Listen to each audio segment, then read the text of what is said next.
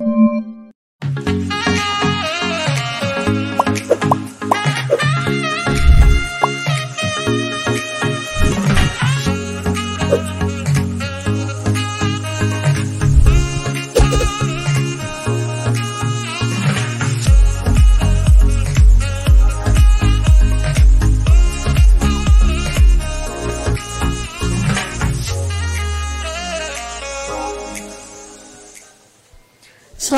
sahabat Drunska. Bagaimana kabarnya hari ini? Kami doakan selalu sehat ya.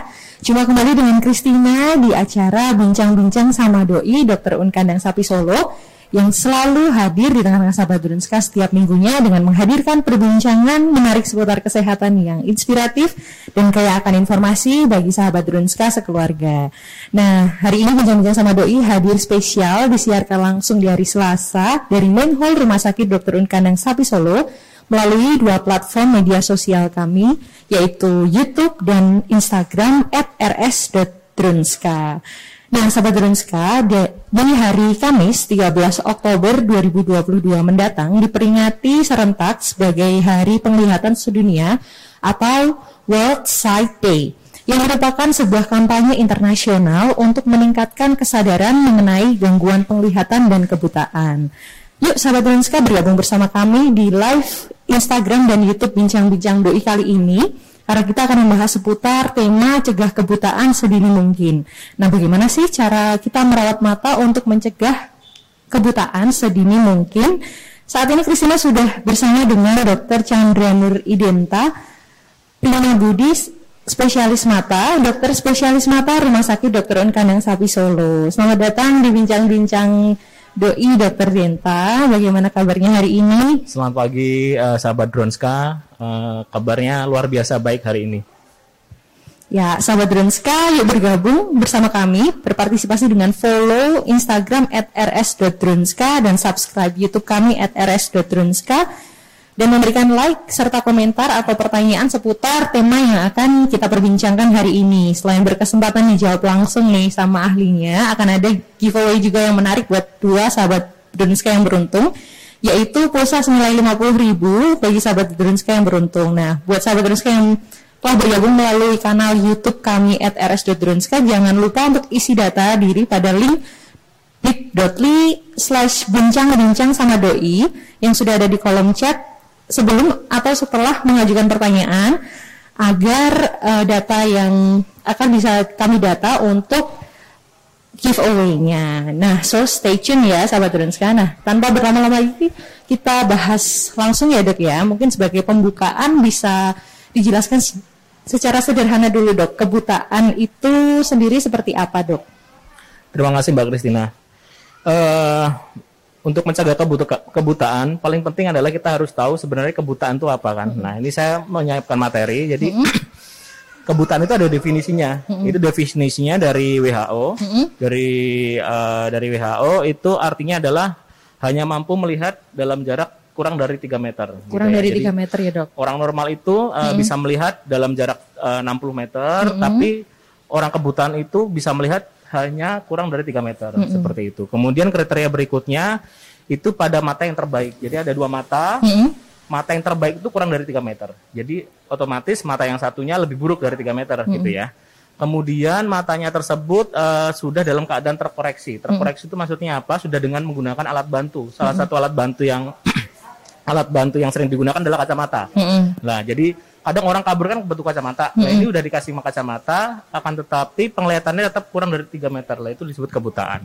Atau ada kriteria berikutnya adalah luas lapang pandang itu kurang dari 10 derajat dari uh, dari titik sentral, hmm. dari penglihatan sentral. Maksudnya seperti apa? Jadi kan penglihatan kita luas nih. Hmm. Jadi dia cuma 10 meter, eh, 10 derajat. Jadi cuma kecil aja. Hmm. Jadi samping-sampingnya penglihatan dia akan hilang seperti itu ya. Itu yang disebut kebutaan uh, definisi dari WHO. Baik dok. Terus untuk urgensi dari kebutaan sendiri di Indonesia dan di dunia ini seperti apa sih dok? Nah, untuk uh, kebutaan di dunia dan di Indonesia itu uh, ada beberapa prevalensi kebutaannya. Mm -hmm. Itu kalau di dunia itu uh, sekitar 45 juta uh, orang itu uh, terjadi kebutaan. Mm-hmm. Seperti itu ya. Dan 90% itu berada di negara berkembang.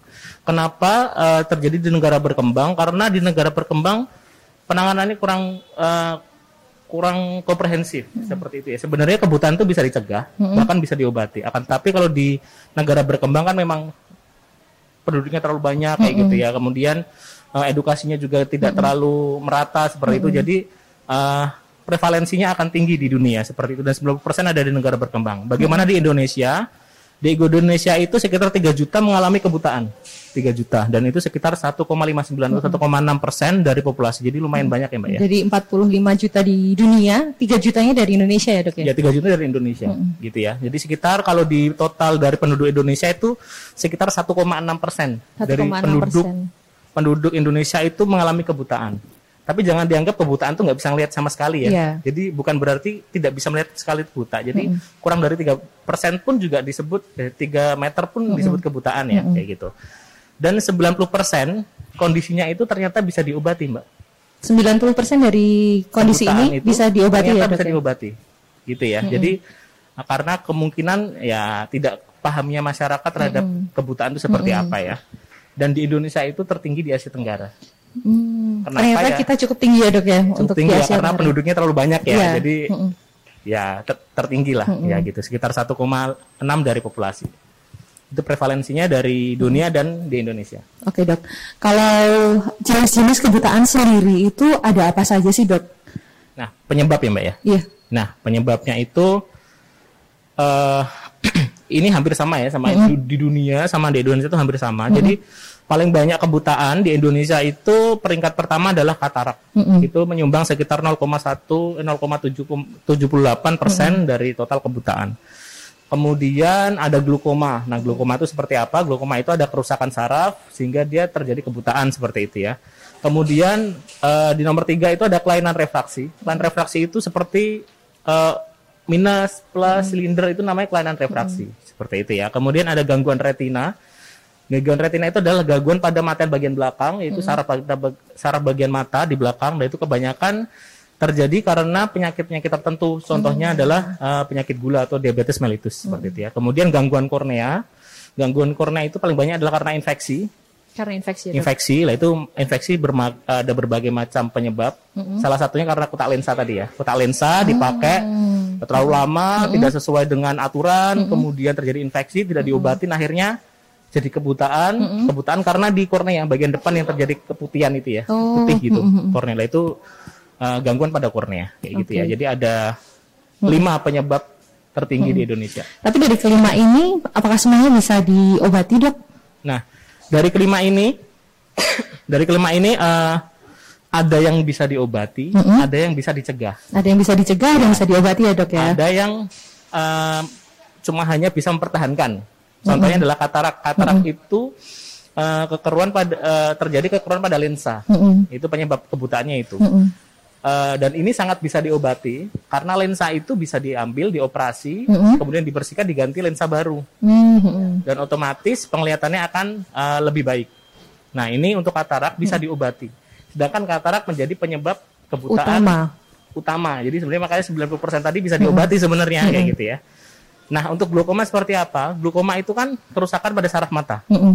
Jadi kalau sudah terjadi kerusakan dalam saraf mata, mm saraf yang sudah rusak itu tidak bisa dikembalikan lagi, Mbak. Mm. Jadi pengobatan glaukoma itu fokusnya bukan untuk menyembuhkan, mm cuma mencegah terjadi perburukan penglihatan yang mm hilang. Agar tidak itu. semakin buruk gitu ya, nah, ya, Dok seperti ya. itu. Jadi beda penyebab, beda penanganan. Mm. Nah, seperti itu. Kalau kelainan refraksi seperti apa? Plan refraksi butuh kacamata tadi ya. Yeah. Kalau orang minus dikasih kacamata minus, mm. kalau plus kasih plus, silinder-silinder ya. Otomatis kelainan refraksi ini bisa diobati juga. Mm. Dan simpel sebenarnya dengan kacamata. Dengan menggunakan kacamata ya, ya dok ya. Kalau yang refraksi ya dok ya. Ya kalau gagan retina, kornea itu mm -mm. terlalu luas, jadi mm ada penyakit-penyakit tertentu dan rata-rata gangguan retina dan kornea ini uh, penanganannya agak lebih susah ya. Karena Tapi, lebih kompleks juga ya dok ya. ya case betul. by case pasien ya dok ya. Ya betul. Kalau katarak sendiri ini dok, uh, apa saja yang menyebabkan penyakit uh, katarak ini muncul dok? Apakah karena faktor usia atau karena kan ada mungkin terpapar sinar UV terlalu banyak seperti itu ya dok ya? ya? Untuk katarak sendiri kan prinsipnya adalah di sini ada degenerasi yang ditandai dengan lensa matanya terjadi kekeruhan seperti itu ya.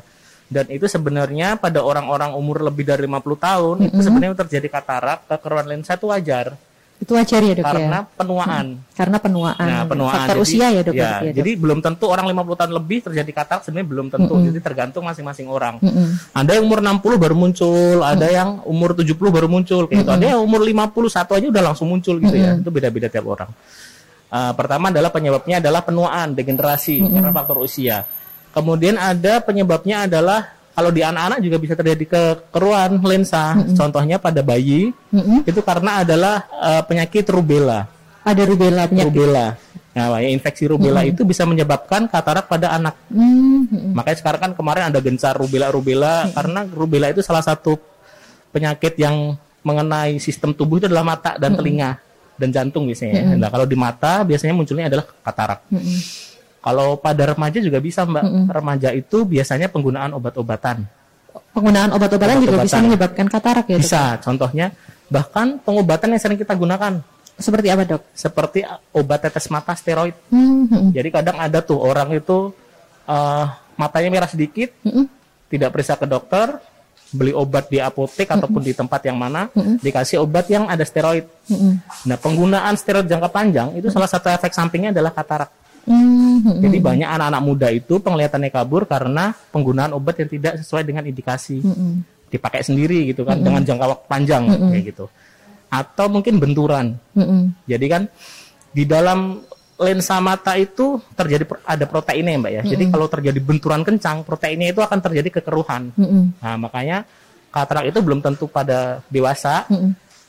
Bayi pun juga bisa, kemudian anak muda pun bisa. Cuma memang prevalensinya paling banyak pada usia tua. Kayak gitu ya. Dan untuk anak-anak dan remaja pun ini memiliki penyebab yang berbeda juga ya Berbeda, dok ya? bukan karena penuaan yang jelas ya. Ya. Baik dok. Terus eh, untuk ini di sini sudah dijelaskan ya dok untuk gejalanya pandangan kabur seperti tertutup tirai ya dok ya. Nah, ya ini saya eh, apa namanya ada contoh penglihatannya. Jadi penglihatannya itu seperti ditutup tirai-tirai yang putih itu ya Mbak ya. Mm-mm. Jadi karena lensanya itu terjadi kekeruhan, jadi penglihatannya itu yang harusnya jelas, jadi seperti tertutup tirai atau tertutup eh, apa namanya itu air terjun biasanya. Tertutup air terjun ya dok ya. Terjun, jadi kayak putih gitu ya. Nah itu salah satu tanda terjadi katarak kayak gitu dan tidak ada gejala lain ya. Kadang nyeri pun juga nggak ada, gitu. cuma penglihatan kabur aja. Kapan seseorang eh, perlu memeriksakan dirinya jika sudah eh, ada gambar yang buram di matanya gitu ya dok ya kayak ada mungkin karena ada noda putih waktu melihat biasa sepertinya eh, biasanya nggak ada terus tiba-tiba Ya. ada seperti itu Jadi Atau intinya kalau eh, diperiksakan ke dokter itu ketika penglihatannya turun. Dok? Mm-mm. dan se- dan harus diperiksa satu mata satu mata. Maksudnya gini mbak, ini ditutup satu satu gitu ya. Karena penglihatan bagus kadang-kadang dibantu dengan penglihatan satunya. Oh ya, Betul jadi ya, kita nggak bisa tahu mana yang sakit Nah, gitu ya dok. Jadi ya? orang tuh ada nggak sadar karena mata satunya terjadi sesuatu penurunan penglihatan, satunya masih normal. Jadi ngelihatnya masih jelas. Mm-mm. Padahal sebelah yang satunya Setelah ada ada sesuatu sesuatu ya, Dok, Ah, ya? contohnya katarak itu. Jadi kalau meriksa kalau pengen melihat eh, matanya eh, terjadi kabur atau enggak simpelnya mata satunya tutup gantian satunya. Oke, Kayak gitu. Hmm. Baik dok. Kemudian untuk yang penyakit eh, jenis yang kedua dok, glaukoma sendiri ya dok ya. Kalau yang glaukoma tadi eh, penyebabnya itu apa ya dok? Nah, glukoma itu eh, di sini kan karena ada kerusakan eh, saraf optik atau saraf pada bagian belakang mata, saraf penglihatan mata itu penyebab paling banyak adalah karena tekanan bola mata yang tinggi. Akan tetapi glukoma itu juga belum tentu eh, tekanan tinggi merusak. Tekanan normal pun juga bisa merusak kayak gitu ya. Nah, jadi jangan dianggap kalau oh glukoma itu pasti tekanan bola matanya tinggi belum tentu gitu ya. Dan eh, glukoma itu eh, karakteristik penghilangnya penglihatan itu dari samping, Mbak. Dari samping ya dok. ya? Dari samping. Jadi kalau kita kehilangan penglihatan dari tengah, otomatis langsung sadar ya, langsung aware ya. Mm-mm. Oh, penglihatan saya kabur gitu ya. Kalau dari samping nggak kelihatan, lama-lama kecil, kecil, kecil gitu. Jadi ada gambar ini saya tunjukkan. Itu yang paling kiri atas itu adalah penglihatan normal. Yang kanan itu penglihatannya semakin hilang dari samping. Nah, makanya glaukoma ini sering disebut dengan penyakit pencuri penglihatan. Karena memang penglihatan yang hilang itu bagian samping, mm-hmm. bagian pinggir atau mm-hmm. perifer sehingga tidak disadari oleh penderita itu. Mm-hmm. Sehingga sering uh, terjadi ya peng, uh, apa namanya? glukoma udah tahap lanjut. Mm-hmm. Salah satu tanda mm-hmm. itu adalah pasien sering kesandung biasanya. Oh, karena ya, tidak bisa lihat yang bagian Iya, karena ya. bagian samping-samping nggak kelihatan kan. Bagian tengah kelihatan, tapi bagian bagian pinggir-pinggir nggak kelihatan. Dulu nggak pernah kesandung, tapi sekarang sering kesandung kayak gitu ya. Nah itu salah satu tanda penglihatan. Kemudian tanda berikutnya ada mual muntah, mm-hmm. kayak gitu ya, mual muntah karena tekanan bola matanya tinggi mm-hmm. sehingga dia terjadi mual dan muntah dan kadang matanya merah gitu ya. Penyebabnya apa? Penyebabnya itu ada banyak mbak sebenarnya. Mm-hmm. Uh, pertama adalah bisa dari faktor keturunan. Mm-hmm. Jadi faktor keturunan itu orang tuanya atau mm-hmm. neneknya atau mm-hmm. kakeknya itu sebelumnya terjadi glaukoma. Mm-hmm. Uh, struktur matanya itu di bagian saluran pembuangan air apa bu, air dalam bola mata itu mm -hmm. kecil salurannya. Mm -hmm. Jadi menurun ke anaknya atau cucunya. Mm -hmm. Sehingga kalau seandainya ada keluarga yang apa namanya terjadi ada penyakit glaukoma, ada mm -hmm. baiknya diperiksakan mm -hmm. untuk matanya apakah ada uh, tanda-tanda glaukoma mm -hmm. atau enggak. Kemudian infeksi mata juga bisa, Mbak. Mm -hmm. Jadi kan dalam tekanan bola mata itu kan karena air di dalam bola matanya tinggi mm -hmm. sehingga bola matanya itu tertekan oleh air itu mbak. Mm -hmm. Nah, salah satu penyebabnya uh, itu adalah infeksi. Mm. Infeksinya mm. itu menyumbat saluran buang dari uh, cairan mata tadi. Mm. Uh, jadi sehingga terjadi peningkatan tekanan bola mata. Kemudian juga bisa terjadi benturan juga bisa benturan. Kemudian saluran airnya itu juga terjadi penyumbatan tuh bisa juga. Jadi kayak gitu ya. Penyebabnya ada banyak juga. Untuk glaukoma untuk glaukoma sendiri ini bisa diobati nggak sih dok? Nah, uh, untuk glaukoma itu uh, tadi sudah saya sebutkan di awal mm -hmm. bahwa kerusakannya itu pada saraf mata ya mbak ya. Mm -hmm. Sehingga kalau saraf itu sudah rusak, mm -hmm. otomatis tidak bisa dikembalikan lagi. Yang tidak rusak bisa dikembalikan sudah rusak. ya. Ya, jadi untuk glaukoma ini fokus uh, pengobatannya adalah mencegah perburukan, mm -hmm. mencegah hilangnya penglihatan lebih lanjut seperti itu ya. Jadi mm -hmm deteksi dini dan pemeriksaan lebih cepat itu penting di sini karena seandainya dia terdeteksi lebih awal mm -hmm. kerusakannya minimal otomatis mm -hmm. bisa ditangani penglihatannya mm -hmm. akan akan lebih bagus ya mm -hmm. daripada yang orang udah datang udah keadaan udah udah jelek mm -hmm. otomatis penglihatan tinggal dikit yaitu agak susah ya mm -hmm. untuk penanganannya seperti itu. itu memang uh, gejala awalnya gitu memang hitam di sekitar ya. penglihatan gitu ya dok ya. Ya, jadi sebenarnya bukan hitam sih mbak penglihatannya hilang hilang gitu hilang tuh belum tentu hitam ya kadang hmm. penglihatannya sampingnya kabur terus lama-lama hilang hilang hilang kayak gitu jadi emang tidak disadari oleh penderita biasanya hmm. glaukoma itu hmm. gitu jika tidak ditangani lebih awal dok hmm. apa yang bisa terjadi pada pasien glaukoma dok hmm. nah kalau tidak ditangani lebih cepat hmm. otomatis penglihatan yang hilang akan semakin banyak mbak hmm. dan kita tahu bahwa penglihatan yang hilang itu sudah tidak bisa dikembalikan lagi ya hmm. jadi sebenarnya kalau pasien datang itu ternyata sakitnya glaukoma mm -hmm. ya kita sebenarnya juga agak menyampaikan ke pasien nggak enak mm -hmm. karena memang penglihatan yang hilang sudah bisa nggak mm -hmm. akan bisa diobatin lagi. Mm -hmm. Jadi fokusnya memang pengobatan glaukoma ini adalah mempertahankan penglihatan mm -hmm. yang ada mm -hmm. kayak gitu ya. Jadi sangat penting sekali untuk um, deteksi dini. Mm -hmm. Maka di sini saya tuliskan kebutuhan akibat glaukoma itu salah satu penanganan adalah deteksi dini. Tadi salah satunya adalah faktor keluarga ya. Mm -hmm. Dari keluarga kalau ada yang ada terjadi kebutaan mm -hmm. gitu ya. Kadang nggak nggak ngerti zaman dulu mm -hmm. ya buta itu kenapa. Kalau di uh, keluarga sebelumnya ada kebutaan, mm -hmm. lah itu alangkah baiknya diperiksakan ke dokter mata untuk mengetahui apakah ada kelainan mata hmm, yang ada indikasi-indikasi nah, serupa ya dok ya. ya Jadi juga berarti kalau tidak ditangani dengan lebih awal itu nanti bisa kehilangan penglihatan juga ya dok ya. Iya betul. Baik dok. Terus untuk uh, kalau dari mitos nih dok hmm. atau uh, obrolan yang hmm. sering kita dengar di masyarakat nih dok kalau terpapar sinar UV lebih banyak gitu dok kan kita kan pakai kacamata hitam kenapa kalau pentingnya pakai kacamata hitam waktu uh, sedang trik-triknya itu apa sih dok apakah ya, efek uh, juga pada dua penyakit ini dok nah ya uh, kalau untuk uh, paparan UV itu pentingnya adalah uh -huh. untuk kesehatan mata yang jelas ya uh -huh. tapi sebenarnya nggak ada pak belum ada hubungan dengan glaukoma, tapi hmm. ada hubungan dengan katarak, Mbak. Ada hubungan dengan katarak ya, ya dok ya. Nah, jadi salah satu penyebab sekarang angka katarak itu tinggi, hmm. kenapa? Yang karena adalah paparan sinar UV yang terlalu hmm. banyak pada mata, sehingga pada lensa itu lebih hmm. cepat terjadi degenerasi sehingga terjadi kekeruhan. Jadi memang uh, ada baiknya kalau beraktivitas di luar ruangan uh, itu menggunakan kacamata hitam yang anti UV ya. Itu mengurangi intensitas UV yang masuk ke dalam bola mata seperti itu. Jadi memang memang betul sih Mbak itu efeknya ke mata ya. Lebih Iya. ke lebih ke katarak ya dok ya Ke daripada glaukoma ya dok ya. Ha. Baik dok.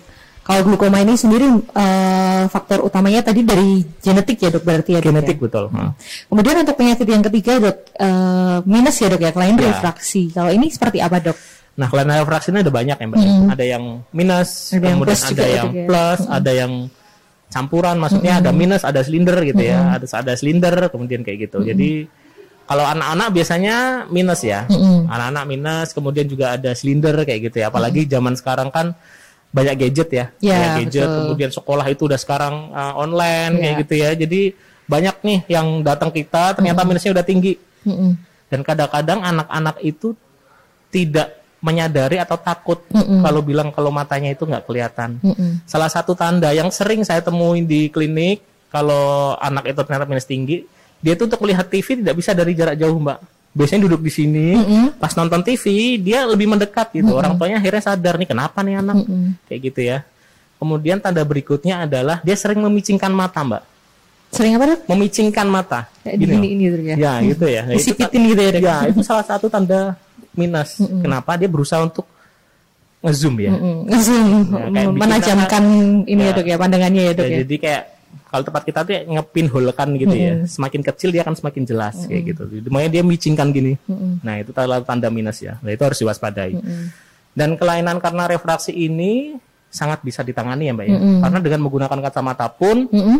penglihatannya akan jadi baik kayak gitu ya. Jadi kadang-kadang cuma kesadaran kesadaran masyarakat aja yang sebenarnya kacamata ini penting ya untuk eh, penglihatan ya. Nah, kayak Kalau gitu. faktor penyebabnya sendiri dok dari kelainan refraksi ini apa dok? Nah, kelainan refraksi ini penyebabnya ada banyak. Salah satu kalau minus itu adalah eh, bola matanya terlalu panjang, Mbak. Oh, Iya, karena Bisa, pertumbuhan pertumbuhan tadi ya, bola mata itu kan terjadi pertumbuhan. Makanya minus itu paling banyak terjadi pada anak-anak karena bola matanya dia pertumbuhannya panjang. hmm, hmm. gitu ya sehingga eh, apa namanya eh, fokus penglihatan yang ditimbulkan itu di, da- di depan pusat penglihatan.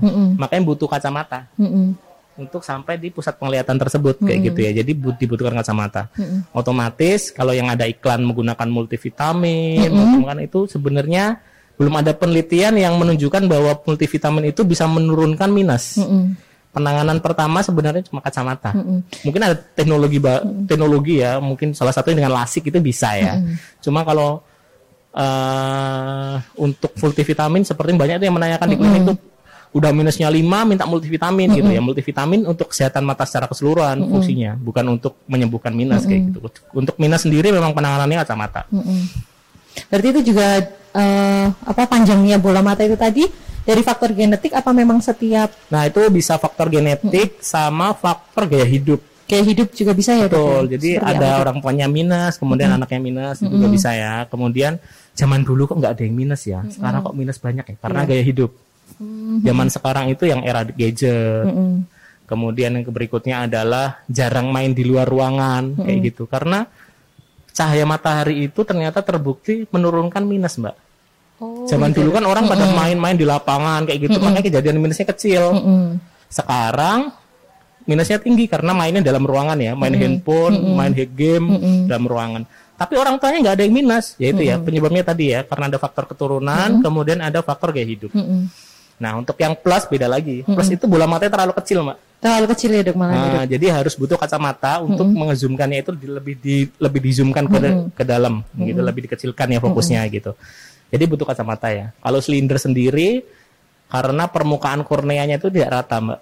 Jadi Permukaan korneanya tidak kornea rata depan ya. ya, depan itu kan harusnya mulus gitu ya. Kalau kaca itu ibarat mulus, kalau itu bergelombang-gelombang. Hmm, Jadi dis- eh, dibutuhkan kacamata silinder itu biar yang eh, apa namanya fokus bayangan yang tidak jatuh di dalam eh, retina, dalam fovea itu difokuskan dengan kacamata silinder itu. Nah, gitu. Kalau silinder itu betul eh, lihat garis gitu nggak bisa garis Betul. lurus gitu ya dok ya? Karena tadi ya, karena permukaan kornea itu tidak eh, tidak rata, sehingga kalau melihat gambar dia akan pecah. Mm-mm. Garis, lihat lurus dia akan belok-belok, lihat lampu dia akan pecah kayak gitu. Tanda-tandanya itu. Oke dok. Terus kalau minus sendiri nih dok, kalau sudah pakai kacamata misalnya dia minus 5 dok, bisa turun nggak sih dok dengan penggunaan kacamata yang rutin dan mungkin juga apa namanya Hmm. mengubah gaya hidupnya dia yang dulunya waktu baca buku mungkin gelap-gelap atau baca apa lihat gadget yang deket gitu jadi Ya. mengurangi itu seperti itu bisa mengurangi minus nggak sih dok? Ah ya, Oh, untuk eh, kacamata sendiri fungsinya sebenarnya pertama dia untuk yang jelas penglihatan lebih lebih optimal ya, lebih bagus penglihatannya ya. Yang kedua adalah me- memperlambat penambahan minus. Sebenarnya fungsinya itu. Cuma kalau seandainya penggunaan secara teratur kacamata, kemudian gaya hidupnya diperbaiki, biasanya akan turun. Cuma ya turunnya sedikit, Mbak. Nggak bisa yang lima habis itu sembuh. Saya belum menemukan sih kayak gitu ya, belum menemukan seperti itu. Bahkan ada mitos bahwa orang kalau pakai kacamata minusnya malah nambah. Malah Banyak gitu ya, itu. Ya itu. Mitos ya, Dok, gitu ya, mitosnya Dok? seperti itu. Akhirnya nggak pakai kacamata ya dia.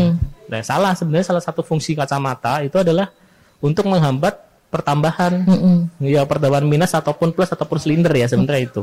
Asalkan penggunaannya teratur ya kayak gitu. Jadi emang jangan dilepas. Dipakai lima menit dilepas kayak gitu kurang efektif juga sebenarnya. Kurang efektif ya dok ya. Jadi memang harus dipakai terus ya dok ya kacamata ya dok. ya harusnya seperti itu ya Untuk dipakai penggantian kacamata sendiri itu disarankan berapa mungkin berapa bulan sekali atau berapa tahun sekali dok?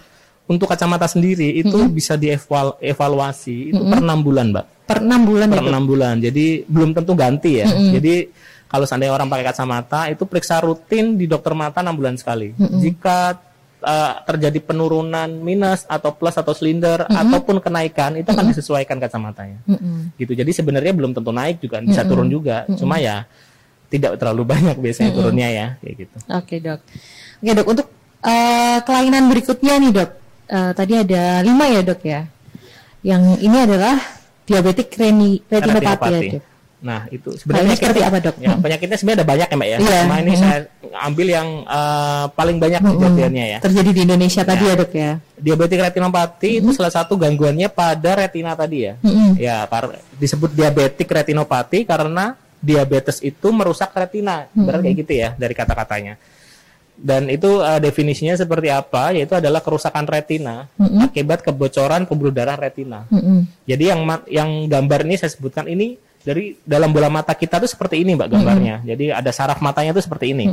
Pusat penglihatan kita tuh yang hitam-hitam itu ya. Yang tengah itu pusat penglihatan kita. Mm-mm. Kemudian retina tuh secara keseluruhan itu. Lah, yang kiri itu normal, yang kanan itu terjadi pendarahan. Betul ya? Ada kelihatan ya pendarahannya ya. Merah-merah ya dok ya. Ya merah-merah itu. Kenapa? Itu karena adanya kebocoran pada pembuluh darah Mm-mm. karena faktor gula. Jadi gula itu merusak pembuluh darah. Jadi pembuluh darah besar aja bisa rusak, Mbak. Apalagi mata yang kecil-kecil Kecil-kecil ya, itu Dok, gampang pecah lah itu. Pecahnya pembuluh darah ini akan mengganggu penglihatan mata. Nah, itu ya.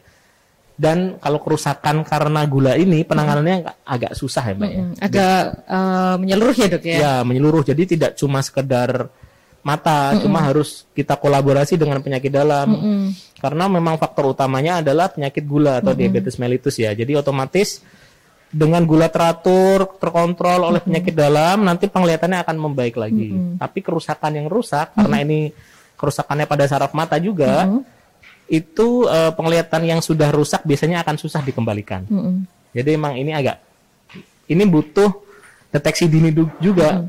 Jadi kalau seandainya eh, penderita terdapat eh, sakit gula, diabetes mellitus, itu ada langkah baiknya diperiksakan secara rutin ke dokter mata.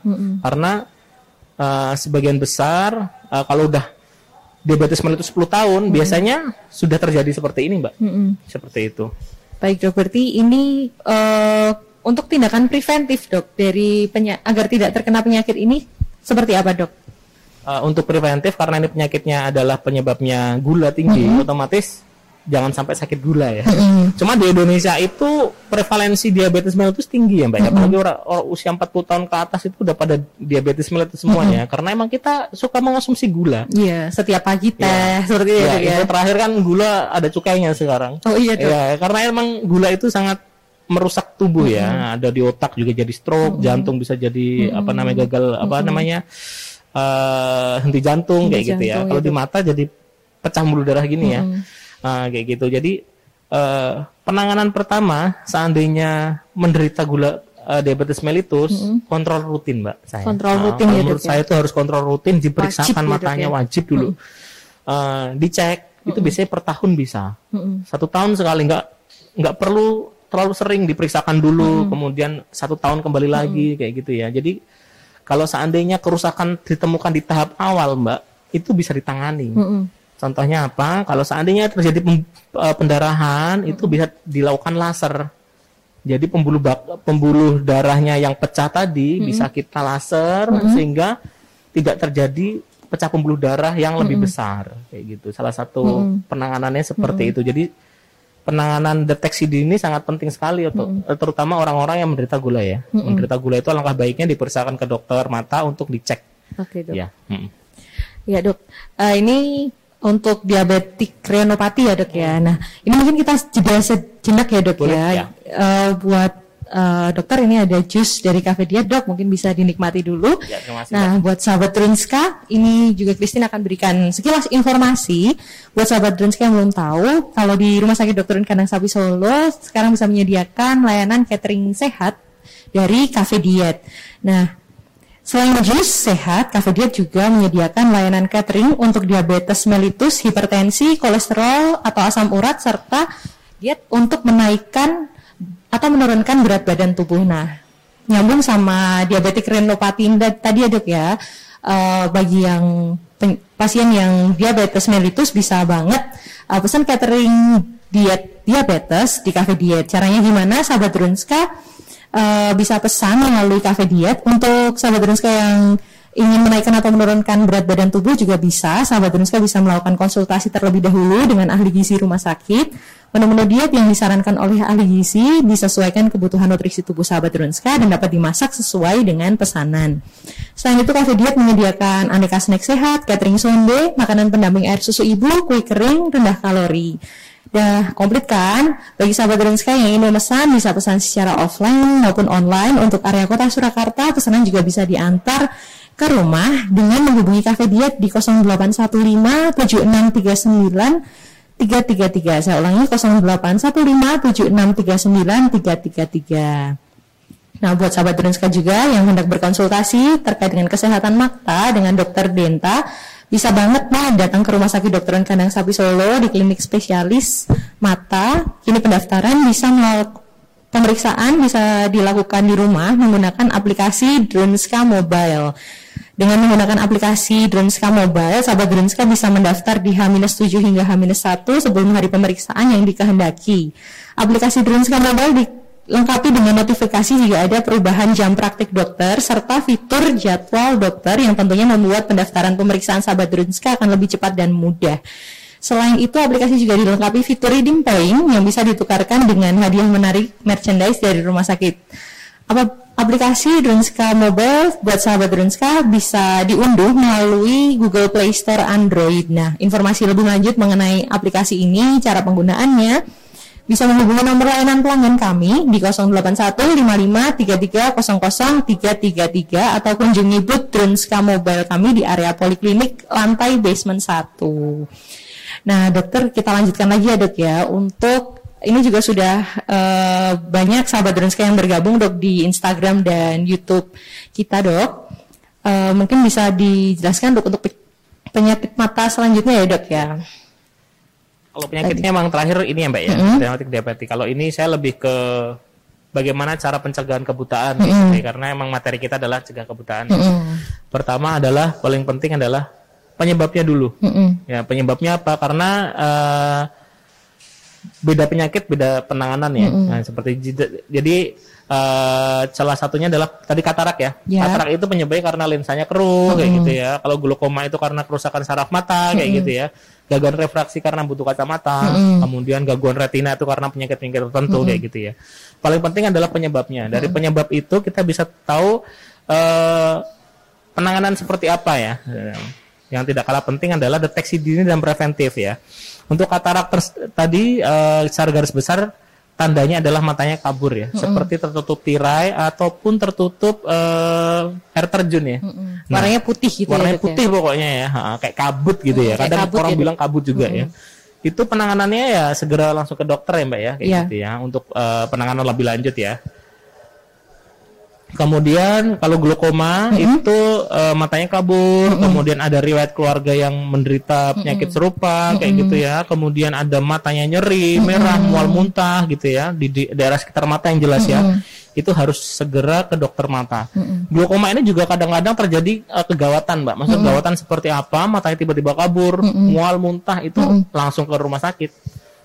Ya, karena otomatis pasti itu tekanan bola mata tinggi. Jadi harus segera diturunkan sehingga kerusakan di saraf matanya tidak tidak berlanjut ya, tidak lebih Tidak lebih buruk ya dok ya? Ya, kayak gitu glaukoma. Nek gangguan refraksi jelas, terutama lah pada anak-anak, Mm-mm. gangguan kabur kayak gitu ya, penglihatan kabur harus segera ke dokter untuk em, pengecekan kacamata kayak gitu ya. Kalau gangguan retina kayak gitu, Mm-mm. eh, matanya kabur, kemudian ada riwayat gula, kemudian hipertensi juga bisa kadang-kadang, itu harus segera ke dokter mata untuk penanganan lebih lanjut. Nah, tadi sebenarnya masuknya ada ada juga yang gangguan pada kornea, Mbak. Kornea ya. ya dok ya? Itu infeksi sebenarnya paling banyak ya. Jadi perlu diwaspadai sekarang kan banyak menggunakan kotak lensa itu harus sesuai dengan indikasi. Maksudnya sesuai dengan aturan pakai. Kadang makainya 8 jam ternyata dipakai buat tidur, Mm-mm. dipakai buat berenang kadang-kadang ya. Itu. Ikut hanyut nggak itu kontak lensnya? Nah, tapi itu infeksinya akan cepat infeksi karena di air di kolam renang itu kan sebenarnya juga banyak bakteri ya, Mbak ya. Jadi kalau di kotak lensa dia terjadi infeksinya kan lebih parah ya. Lebih parah ya, Dok, gitu. ya. Jadi infeksi terus kalau sudah merah diobatin sendiri kayak gitu ya. Lah itu akan memperburuk keadaan sebenarnya kayak gitu ya. Intinya kalau ada kelainan mata alangkah baiknya dikonsultasikan, Dikonsultasikan pada dulu ya dok ya? Iya. Baik dok. Dan ini sudah ada beberapa pertanyaan dari sahabat Dronska yang bergabung dok. Ini dari Ed eh, Francisca Evodia dok. Ibu saya efek dari diabetes itu mata menjadi melemah dan ada katarak.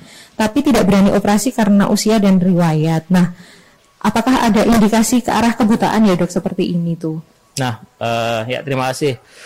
Eh, untuk diabetes mellitus itu sebenarnya bisa terjadi katarak juga sebenarnya, Mbak. Ya, ada katarak Jadi diabetika. berbagai Nah, faktor ya dok yang Iya. penyakit katarak itu ya dok ya? Iya, dan gula itu memang merusaknya itu lumayan banyak organ ya. Kalau di mata itu paling sering adalah retina tadi. Mm-mm. Kemudian kedua adanya glauko apa namanya katarak ya. Mm-mm. Nah, katarak diabetika tadi ya. Kalau untuk bisa menuju kebutaan sangat bisa. Mm-mm. Malah dua penyakit ini. Mm-mm. Penyakit katarak tadi kan salah satu penyebab utama kebutaan. Kemudian eh, dari retina itu penyebab nomor empat kebutaan. Mm-mm. Jadi sangatlah bisa itu eh, menjadi kebutaan. Mm-mm. Cuma untuk katarak otomatis bisa ya diobatin. Bisa ditangani dengan operasi katarak dengan cara lensanya tersebut diganti yang baru, dibersihkan kayak gitu ya. Tapi untuk retina itu pengobatannya agak susah ya. Mm-mm. Agak susah. Jadi penanganan lebih lanjut yang lebih detek apa penanganan lebih dini, lebih cepat itu akan memper eh, mengurangi keburukan. Mm-mm. Jadi alangkah baiknya Mm-mm. eh sesuai dengan dokter ya, eh, apa namanya saran dari dokter itu diturutin aja kayak gitu ya. Untuk katarak mungkin ya wajar sekarang kan operasi takut ya mbak ya. Iya. Tapi sekarang kan teknologinya ada bagus ya. Katarak operasi katarak itu sekarang menggunakan laser Mm-mm. atau yang disebut VECO. Mm-mm. Jadi pasien itu dalam kondisi fit ya, maksudnya fit itu tidak ada pemberat, Mm-mm. itu bisa one day care. One day care ya, itu Dok, ya? seperti apa? Pasien datang, operasi langsung pulang. Mm-mm. Dan itu tanpa jahitan, tanpa jahitan. Kemudian tanpa dibuka, Mbak, tanpa dibedah gitu ya. Cuma lubangnya sangat kecil sekali. Mm-mm. Eh, tanpa ada darah, Mm-mm. tanpa ada sayatan, tanpa ada darah, tanpa ada jahitan. Nah, itu bisa langsung pulang. Jadi mungkin bisa di ibunya diedukasi pelan-pelan ya. Kalau penanganan nggak seperti dulu lagi kayak gitu ya. Dan penanganan lebih lanjut itu akan menyelamatkan penglihatan sebenarnya.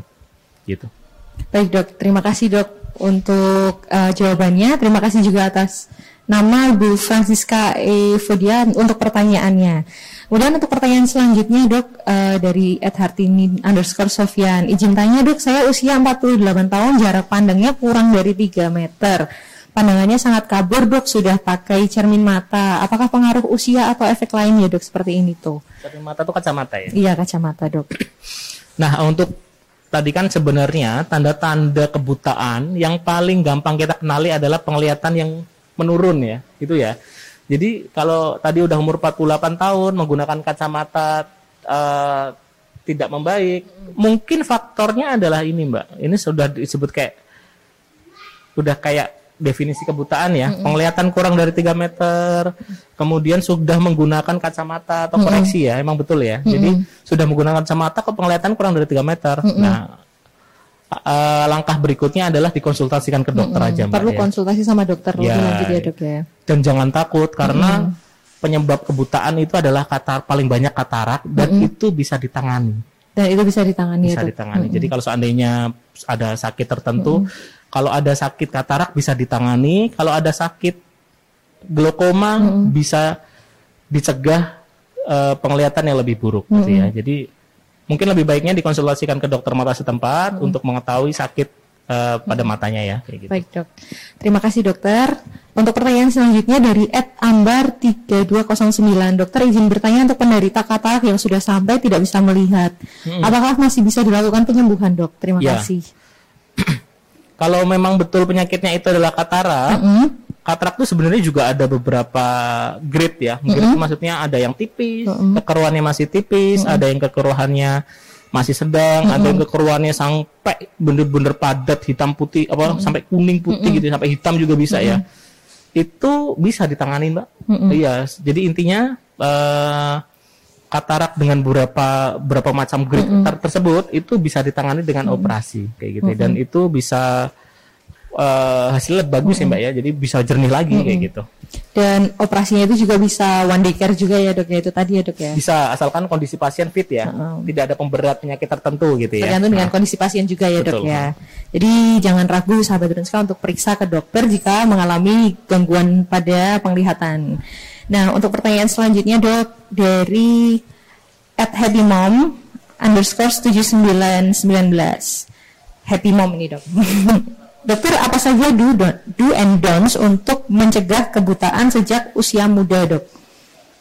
Do dan don'ts ya. -hmm. uh, yang harus dilakukan adalah mencegah uh, apa namanya gaya hidup ya jelas. Gaya hidup ya dok ya. Gaya hidup uh, gaya hidup yang sehat terutama mm. ya gaya hidup sehat itu secara keseluruhan mm. dan lebih khususnya pada mata. Pertama mm. adalah tidak mengonsumsi obat-obatan tertentu ya mm. dengan jangka panjang dengan waktu pan, dengan jangka jangka waktu dalam panjang. jangka waktu panjang ya dok ya. Tuh, apalagi yang saya sebutkan tadi banyak mm. yang beredar di pasaran itu mm. obat obat keras sebenarnya tapi mm. saya tidak tahu ya kok sam sampai sering dikeluarkan oleh mm. toko obat kayak gitu mm. itu efek sampingnya sangat bahaya terutama -hmm.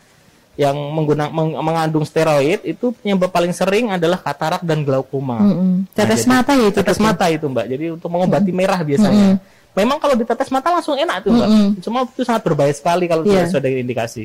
Jadi yang jangan dilakukan adalah penggunaan obatnya uh, sembarangan, mm -hmm. kemudian uh, apa namanya dijaga daerah mata jangan sampai mm -hmm. terjadi kebenturan kayak gitu mm -hmm. ya. Kemudian yang harus dilakukan lagi adalah kalau di luar ruangan mm -hmm. alangkah baiknya menggunakan kacamata. Jadi mm -hmm. jadi jangan beranggapan bahwa pakai kacamata hitam itu buat gaya ya. Iya, kacamata hitam itu bukan buat gaya tapi untuk melindungi mata kita ya dokternya. Ya, gaya sekalian untuk anu bisa. Oh iya, gaya juga bisa ya.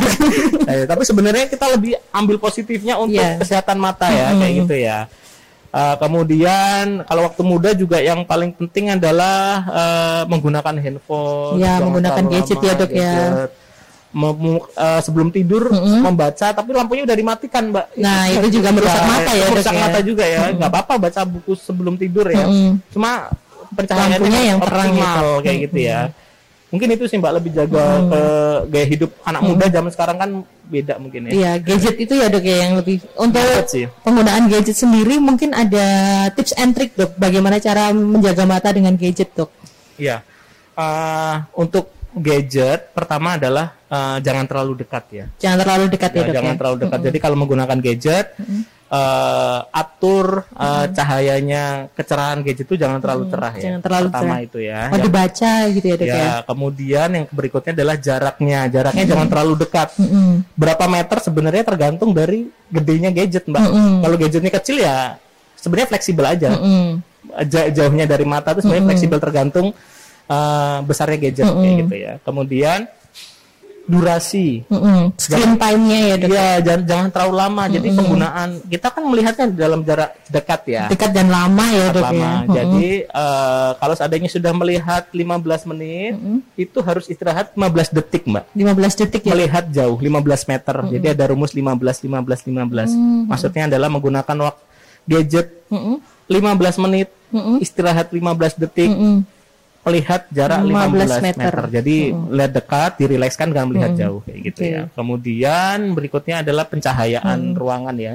Jadi eh, itu sangat penting juga karena kalau pencahayaannya kurang otomatis mata itu cepat lelah kayak gitu ya. Menarik sekali sih ini dok. 15 menit setiap 15 menit kita main gadget, 15 detik istirahat melihat eh, pemandangan yang 15, 15 meter, meter. jauhnya ya dok ya. Betul. Ya luar biasa dok. Terus kemudian untuk menjaga eh, mata dengan orang-orang yang menggunakan atau anak muda yang menggunakan kontak lens dok, itu disarankan maksimal berapa jam dok menggunakan kontak lens itu dok? Ya, untuk eh, lensa kontak itu sebenarnya tiap merek beda beda beda aturan pakai ya.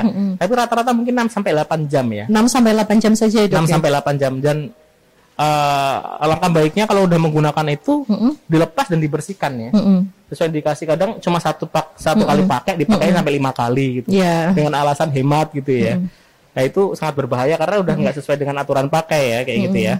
Kemudian s- sering eh, disarankan juga menggunakan pelumas mata, tetes mata pelumas mata kayak gitu ya. Untuk eh, kadang kan matanya kalau menggunakan kotak lensa lebih kering ya. Saya belum pakai belum pernah pakai kacamata eh, lensa kontak sih, cuma banyak keluhan kering ya. Jadi seandainya setelah menggunakan lensa kontak ada baiknya dirawat matanya dengan menggunakan eh, cairan pelumas mata. Yang banyak di pasaran banyak kok itu. Merek-mereknya juga banyak untuk kayak gitu. penggunaan cairan kontak lens itu memang eh, disarankan ya dok berarti ya dok Ya, ya, ha, untuk ha. digunakan eh, jangka panjang gitu tidak Ya. apa-apa kah dok?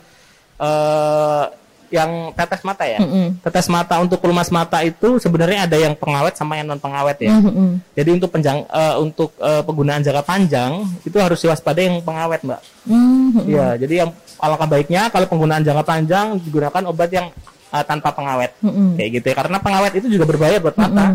Lama-lama jadi eh, toksik ya di mata kayak gitu. Jadi tetap harus dilihat dulu eh, apa namanya kemasannya ya dok Ya, ya, betul. dilihat dulu apa saja ingredientsnya gitu ya, Ya, dok ya. kalau eh, biasanya kalau yang tanpa pengawet itu kecil, Mbak bentuknya.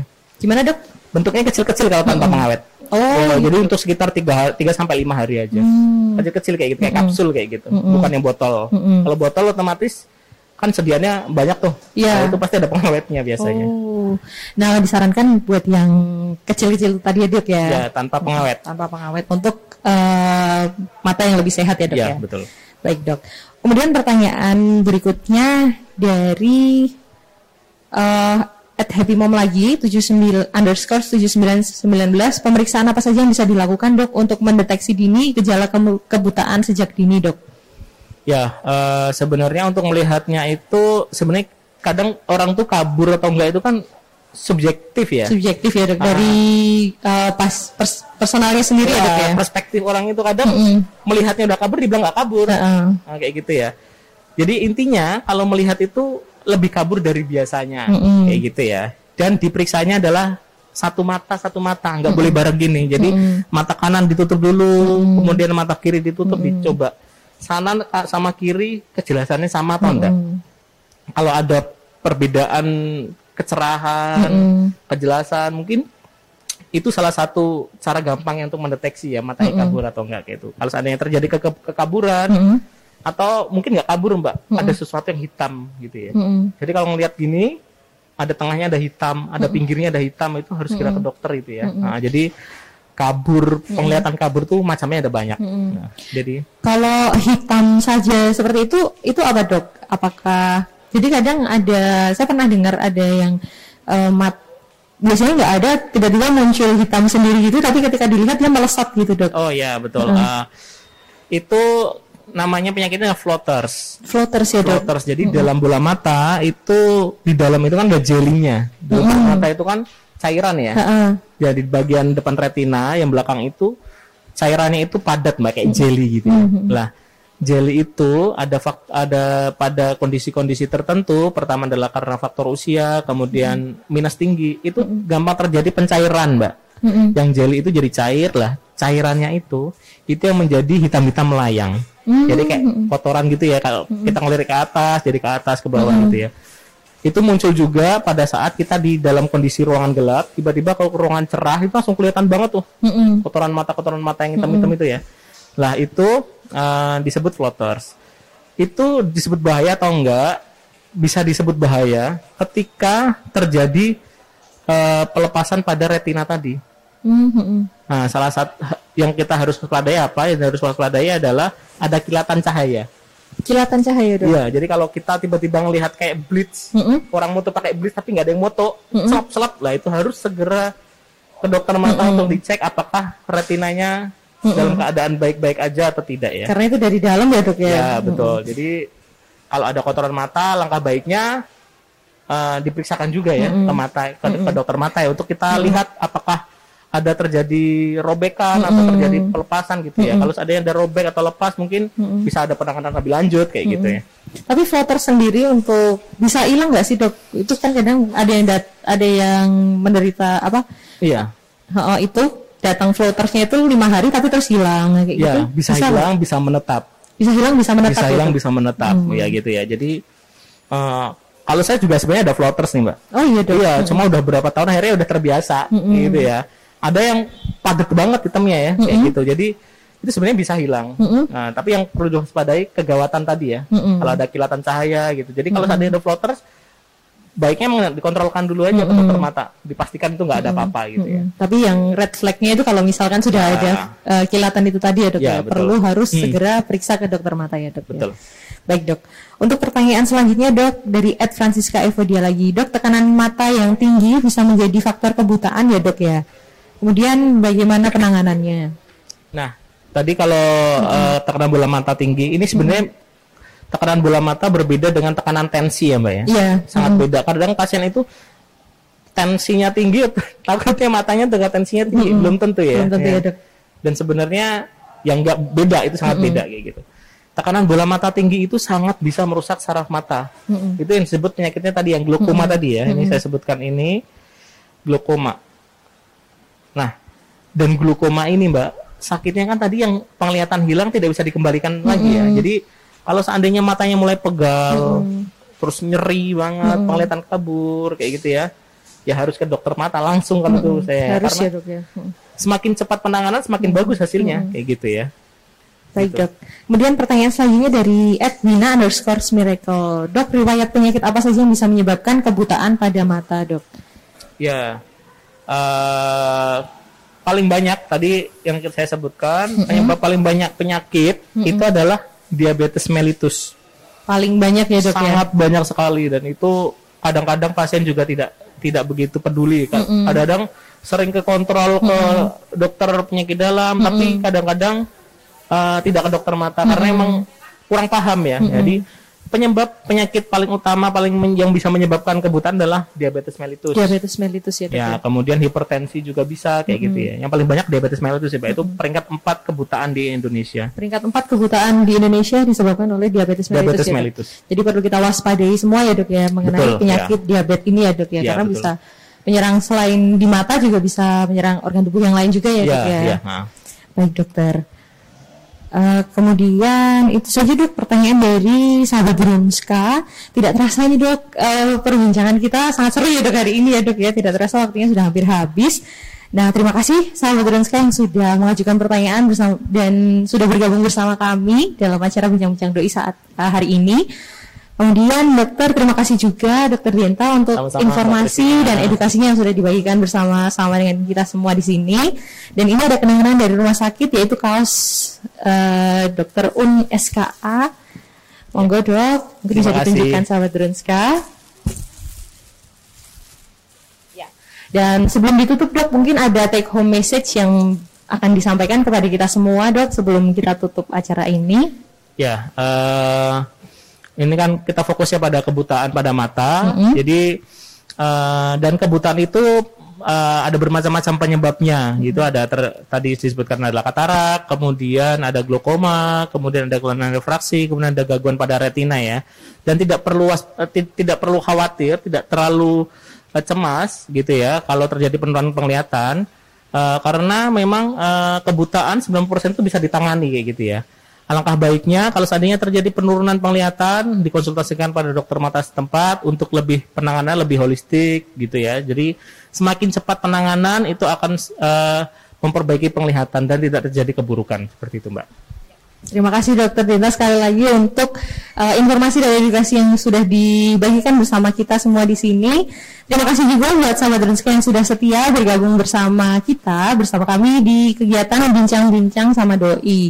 Tetap ikuti sosial media kami ya di Facebook, Spotify, dan YouTube kami at rs.drenska serta website kami di www.drenska.com untuk informasi kesehatan terkini dari Rumah Sakit Dr. Un Kandang Sapi Solo. Selamat melanjutkan aktivitas untuk sahabat Drenska terkasih. Jangan lupa tetap mematuhi protokol kesehatan, terus jaga hidup uh, pola hidup bersih dan sehat. Tetap semangat juga serta jaga kesehatan selalu ya.